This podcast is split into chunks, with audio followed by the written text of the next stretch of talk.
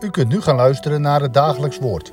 Dit is iedere maandag tot en met vrijdag om 10 uur, 3 uur en s'avonds om 7 uur. Deze meditatie wordt verzorgd door kandidaat Guit.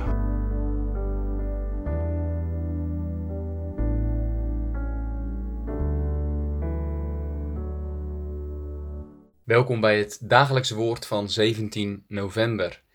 En vandaag lezen we verder in Daniel 11 en daarvan de versen 10 tot en met 14. Dus we vallen midden in uh, het visioen van Daniel.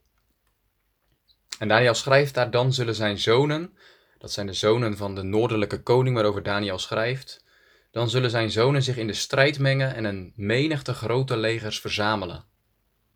Een van hen zal snel komen, het land overspoelen, doorkruisen en terugkomen, zich in de strijd mengen en tot zijn vesting doordringen.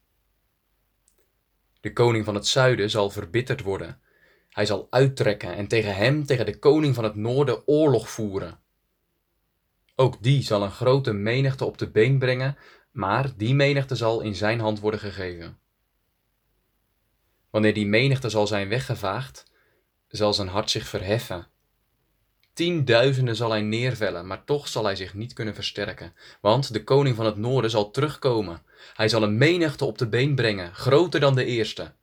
En na verloop van tijd, na enkele jaren, zal hij snel met een groot leger en met een grote uitrusting komen. Ook zullen in die tijd velen opstaan tegen de koning van het zuiden, en de gewelddadigen uit uw volk zullen verheven worden om het visioen te bevestigen. Maar ze zullen struikelen. Er is een great reset gaande. Als er één ding duidelijk wordt uit Daniel 11 en de omliggende hoofdstukken, nou dan is dat het wel. Als u de dagelijkse overdenkingen een beetje volgt, dan heeft u daar vast al wel het een en ander over gehoord. Wat dat betreft heeft u een voorsprong op mij. Ik moest zonder de uitleg van de andere sprekers van dagelijks woord mezelf echt eens goed verdiepen in dit hoofdstuk uit Daniel. Wat gebeurt er nu toch allemaal precies in die wereldgeschiedenis van toen? Nou, het is nogal een ingewikkeld verhaal met al die koningen die tegen elkaar streden. Ik zal u in elk geval al hun namen besparen, want uh, het ging er in de tijd van Daniel eigenlijk net zo ingewikkeld aan toe als nu in Katwijk met al die vernoemingen. Ik moest mijn best doen om een beetje wijs te worden uit alle namen van de koningen waarover Daniel schrijft. In elk geval is het duidelijk dat er een great reset plaatsvindt, zo zei ik al. Het ene koninkrijk wist het andere koninkrijk uit. Laten we nog even de rode draad daarvan te pakken krijgen. Het Perzische Rijk, dat is jaren geleden al van de kaart geveegd door de Griek Alexander de Grote. Maar na de dood van Alexander de Grote is het nieuwe Griekse wereldrijk uiteengevallen in vier verschillende delen met elk hun eigen heersers die notabene ook nog eens met elkaar in gevecht gaan. Zo hoorde u gisteren dat de zuidelijke koning, dat is de koning van Egypte, het noordelijke rijk aanviel en grote stukken land veroverde. Vandaag en morgen is het precies andersom. De noordelijke koning, dat is de koning van Syrië en Babylon, die vecht terug. En daarmee wint hij eerder veroverde stukken van het land weer terug. En hoewel de zuidelijke koning zich daar uiteraard tegen probeert te verzetten met een grote menigte, ja, toch kan die zuidelijke koning uit Egypte het uiteindelijk niet winnen van die noordelijke koning uit Syrië. Met het enorme leger dat die noordelijke koning volgens Daniel op de been zal brengen, ja, zal hij zijn macht proberen te consolideren. En gecombineerd met allerlei tegenstand die er in dat zuidelijke rijk toch al was, in Egypte, tegen die zuidelijke koning, dat staat in Daniel 11, vers 14, wat we net hebben gelezen, lijkt het erop dat die noordelijke koning voorlopig de baas is en blijft. Er moet wel heel wat gebeuren voordat hij zich van de troon laat stoten. Inderdaad. Ja, ook vandaag. Er moet wel heel wat gebeuren, zo lijkt het, voordat de vorsten van deze wereld zich van de troon laten stoten. Gaat dat überhaupt ooit gebeuren? Trouwens, wat zal er eigenlijk voor nodig zijn om dat ooit te laten gebeuren? Zou jij het willen weten? Zou u willen weten hoe de wereldgeschiedenis in de komende jaren zal gaan verlopen? Hadden we maar een Daniel. Hadden we maar een profeet van God die het ons haarfijn uit kon leggen. Want laten we eerlijk zijn, er is toch eigenlijk geen touw aan vast te knopen? Wat gebeurt er allemaal toch precies in die wereldgeschiedenis van nu? Wie is er nu eigenlijk echt aan de macht? De leiders van Europa? De president van dat raadselachtige China? Mark Zuckerberg? Bill Gates? Elon Musk? En trouwens, uh, wat bekokstoven al die machthebbers, wie het dan ook mogen zijn, toch met elkaar? Wat hangt ons allemaal boven het hoofd? Een great reset misschien?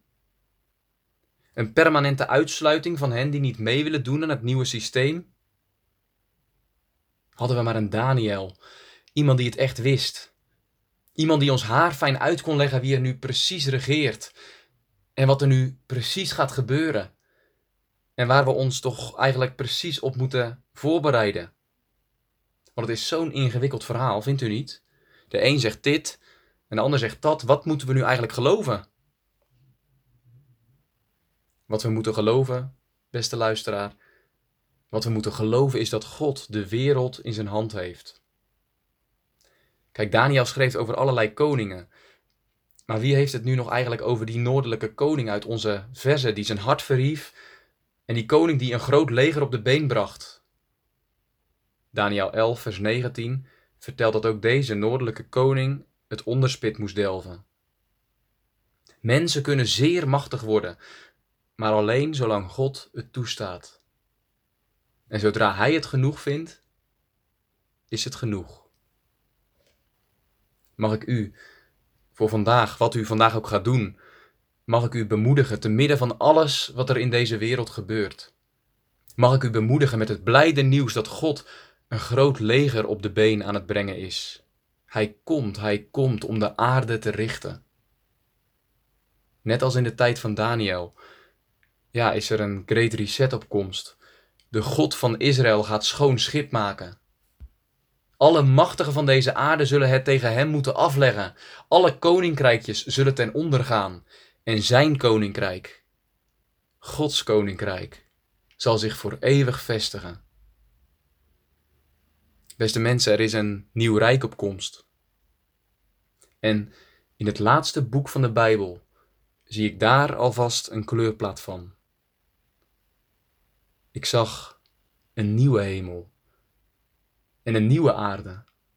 Want de eerste hemel en de eerste aarde, met alles wat erop gebeurde, met alle koningen en alle koninkrijken die daarop waren, die waren voorbij gegaan. En de zee was er niet meer. En hij die op de troon zit. Hij die op de troon zit. Hij die op de troon zit. Hij zei: Zie, ik maak alle dingen nieuw. Zullen we samen bidden? God van Israël, er gebeurt zoveel op deze wereld. Soms denken we, wat staat ons wel niet allemaal te wachten? Het zou zomaar ook de vraag van Daniel kunnen zijn, en het was zijn vraag. Hij vastte en hij bad. Wat gaat er toch allemaal gebeuren? En net als Daniel houden wij soms ons hart vast. Maar Heere God, we mogen weten en we mogen geloven dat ook U uw hart vasthoudt. En als u uw hart vasthoudt, dan voelt u de liefde die u ooit bewoog om uw zoon naar de aarde te sturen. En als u die liefde voelt, dan voelt u ook uw eigen verlangen om verenigd te zijn met uw bruid. En daarom Daarom bereidt u zich voor. U brengt een groot leger op de been om straks de laatste strijd te strijden en voor eeuwig te overwinnen. En daarom, ondanks alles wat ons zorgen kan baren, weten we, wij zijn meer dan overwinnaars.